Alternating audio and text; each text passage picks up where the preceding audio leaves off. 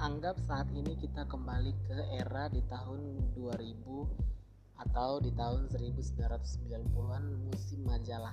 Kalau lo punya majalah dan lo buka-buka rubriknya pasti ada beberapa rubrik yang berbeda-beda. Ada rubrik zodiak, rubrik pendidikan. Nah kali ini gue mau bahas rubrik tentang uh, curhat, baik pertemanan, mengenai karir dan lain-lain, apa pun itu tentang kehidupan lo sehari-hari sebagai dewasa dan juga dewasa muda.